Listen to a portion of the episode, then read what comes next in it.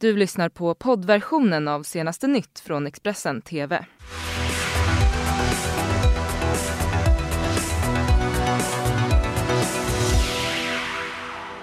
Du tittar på senaste nytt. Det här är morgonens rubriker. Beväpnad man barrikaderade sig i lägenhet i Helsingborg sköts med elpistol efter fem timmar lång polisinsats. Minst 100 döda och en miljon drivna på flykt. Turkiets offensiv mot kurdkontrollerade områden i Syrien inne på sin tredje dag. Och idag klockan 11 avslöjade den norska Nobelkommittén vem som tilldelas årets Nobelpris. Svenska Greta Thunberg för hans favorit bland bettingbolagen. Men vi börjar med att berätta att en 16-årig pojke har gripits misstänkt för att ha knivhuggit en 15-årig pojke i ryggen i Arboga sent igår kväll. 15-åringen är allvarligt skadad men inte livshotande och polisen har därför kunnat få en redogörelse från honom om händelsen. Något som ledde till att 16-åringen kunde hämtas in av polis bara timmar efter dådet. Enligt polisen är pojkarna bekanta med varandra sedan tidigare. Brottsrubriceringen är försök till dråp alternativt försök till mord. Och en beväpnad man har gripits i natt efter en flera timmar lång polisinsats i Bårslöv utanför Helsingborg. Polisen larmades till en lägenhet där även flera barn är skrivna och möttes på platsen av mannen som uppträdde hotfullt mot patrullen. Efter fem timmar kunde mannen övermannas när polis använde elpistol mot honom. Ingen person kom till skada under utryckningen och mannen misstänks nu för grovt olaga hot. Turkiets offensiv mot kurdkontrollerade områden i nordöstra Syrien är nu inne på sin tredje dag. Över 100 personer har dött hittills och en miljon internflyktingar har begett sig av inåt i landet för att komma undan den tre mil djupa zon längs med den syrisk-turkiska gränsen som Erdogans styrkor har fått order att ta över. Internationella kritiken mot insatsen har varit stor och fem av säkerhetsrådets medlemsländer uppmanar nu Turkiet att avbryta offensiven mot kurdisk milis. Vi är djupt oroade över Turkiets militärinsats i nordöstra Syrien skriver Frankrike, Tyskland, Storbritannien, Belgien och Polen i ett gemensamt uttalande. FNs säkerhetsråd ska mötas senare idag för att diskutera situationen i landet. Enligt diplomatkällor väntas dock inte medlemsländerna kunna enas om en gemensam skrivning om Turkiets militärinsats, det rapporterar Reuters. Och vår samarbetspartner CNNs Clarissa Ward ger oss det senaste om striderna. We spent the day in the northern city of Tel Abyad, right on the border with Turkey. When we arrived, there had been shelling earlier that day.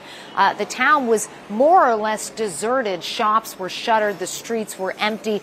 As we got closer to the border, we came across a small protest, less than 100 people who were gathering, insisting that they were going to walk right up to that border to show that they would not be cowed by this Turkish military operation. However, Kurdish fighting forces on the ground quickly told those people to dissipate, saying that it was not safe. There was a steady stream of artillery coming in again to uh, various targets around the town.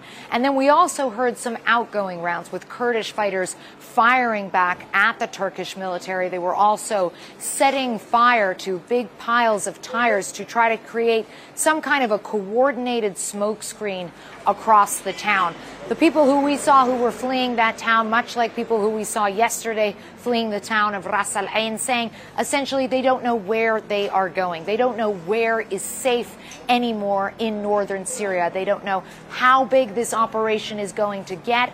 Who, if anyone, will do anything to stop Turkey from further expanding, further pushing in? And the real fear is that if this does turn into some kind of a ground incursion, things will only get bloodier, raising the risk of civilian casualties. Already some 60,000 people displaced from their homes, and that number could easily climb to hundreds of thousands in the coming days. Clarissa Ward. Och den svenska regeringen kommer i nästa vecka besluta om att skicka 100 miljoner mer i bistånd till hjälporganisationer i nordöstra Syrien, det rapporterar Ekot. Peter Eriksson, minister just för internationellt utvecklingssamarbete, är den som ligger bakom initiativet. Han säger dock att det redan innan Turkiets offensiv fanns stora humanitära behov kring flyktinglägren i området och att det nya tillskottet inte ska ses som en politisk markering mot Turkiet. Mellan 20 till 50 000, 20 000 till 50 000 ska det vara, personer beräknas vistas i Sverige utan tillstånd. Många av de som vistas och jobbar i Sverige illegalt tvingas leva i närmast slavliknande förhållanden. Aura är en av, den, en av dem. Den 35-åriga kvinnan från Nicaragua är också eh, huvudperson i boken Vi skuggorna skriven av journalisten Elinor Torp. Boken är en skildring av en svensk arbetsmarknad som blivit ett paradis för kriminella eh, med syfte att tvätta pengar. Expressens reporter Malin Roos har träffat Aura och Elinor. You coming from a country like Nicaragua uh, you don't expect a lot. First, I was um, trying to just to survive, you know, to, to work. I september 2016 lämnade Aura sin familj i Nicaragua och kom illegalt till Sverige. Hon reste tillsammans med sin pojkvän Jorge och de hade varit fem månader i Stockholm när Aura blev erbjuden jobb i Arjeplog. Auras arbete skulle vara att ta hand om barnen till en restaurangchef och hennes pojkvän skulle få plats på ett bygge. Sen visade det sig att det inte fanns några barn att passa. Aura fick jobba som städerska och Jorge blev förd till en byggararbetsplats i Abisko. The work was very hard. I was working a lot uh, during the day and every day during the week. You told me like 14 hours a day. 14, 15 hours for, for day and even the weekends. It was a very bad situation. We was tired all the time and sometimes we, we didn't eat. Men Aura var inte ensam. Huset där hon sov i källaren var fullt av svart arbetskraft. Hon är bara en av många som jobbar illegalt i Sverige. Och det är bland annat därför hon blev en huvudperson i Elinor Torps bok Journalisten har granskat arbetsmiljöfrågor och boken Vi skuggorna är en skildring av en svensk arbetsmarknad som blivit ett paradis för kriminella. Det är liksom skattemiljarder som försvinner bort i fickorna på de här arbetslivskriminella. Det räcker att åka ut och kolla liksom vilka bygger våra bostäder, vilka städar våra skolor och renoverar våra sjukhus. Det är bara att åka ut och kolla vilka utför de arbetena längst ner. De blir ju, ofta får de inte ut sina löner och de skadas de så får de betala för sina skador själva och eh, de är livrädda. De tror typ att de är övervakade på toaletterna till och med, att de skrämmer upp varandra och liksom på något sätt så vill nog också arbetsgivare och andra att de ska vara rädda för då blir de också bekväm arbetskraft. Aura då, eh, en kvinna från Nicaragua som är huvudperson i din bok. Hur, varför ville du berätta hennes historia?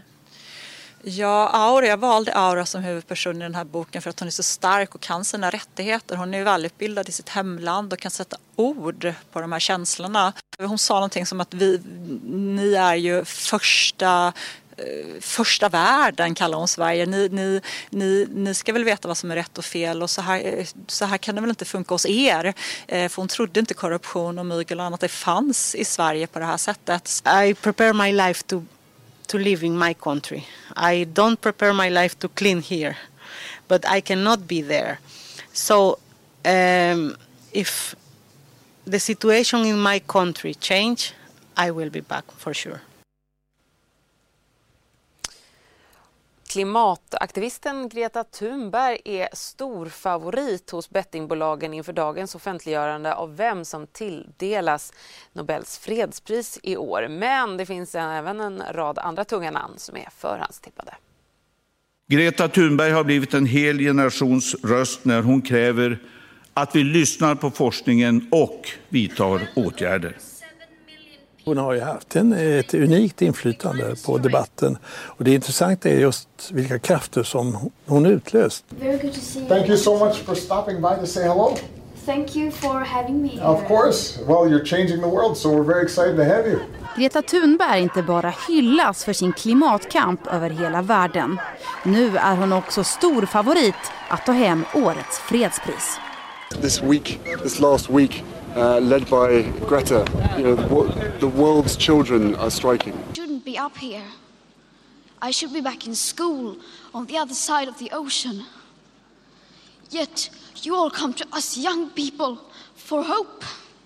How dare you? Has decided to award the Nobel Peace Prize Utöver Greta Thunberg finns en rad tunga namn bland förhandsfavoriterna. Etiopiens premiärminister Abiy Ahmed är förhandstippad för sitt jobb med att lätta upp relationen till grannlandet Eritrea. Även Nya Zeelands premiärminister Jacinda Ardern är en favorit som hyllats för sin hantering av terrordådet i Christchurch i mars. Utöver de två nämns också den brasilianske hövdingen och miljöaktivisten Raunu Metukrire som är favorit för sitt livslånga arbete för att bevara och skydda Amazonas regnskogar. Vem som till slut tar hem fredspriset i år, det vet vi inom kort. Mm, och med det så tar vi en kort paus. Jag är strax tillbaka med fler nyheter. Du har lyssnat på poddversionen av senaste nytt från Expressen TV. Till förordnad ansvarig utgivare är Klas Granström. Ett poddtips från Podplay. I fallen jag aldrig glömmer djupdyker Hasse Aro i arbetet bakom några av Sveriges mest uppseendeväckande brottsutredningar. Går vi in med hemlig telefonavlyssning och, och då upplever vi att vi får en total förändring av hans beteende. Vad är det som händer nu? Vem är det som läcker? Och så säger han att jag är kriminell, jag har varit kriminell i hela mitt liv men att mörda ett barn, där går min gräns. Nya säsongen av Fallen jag aldrig glömmer på Podplay.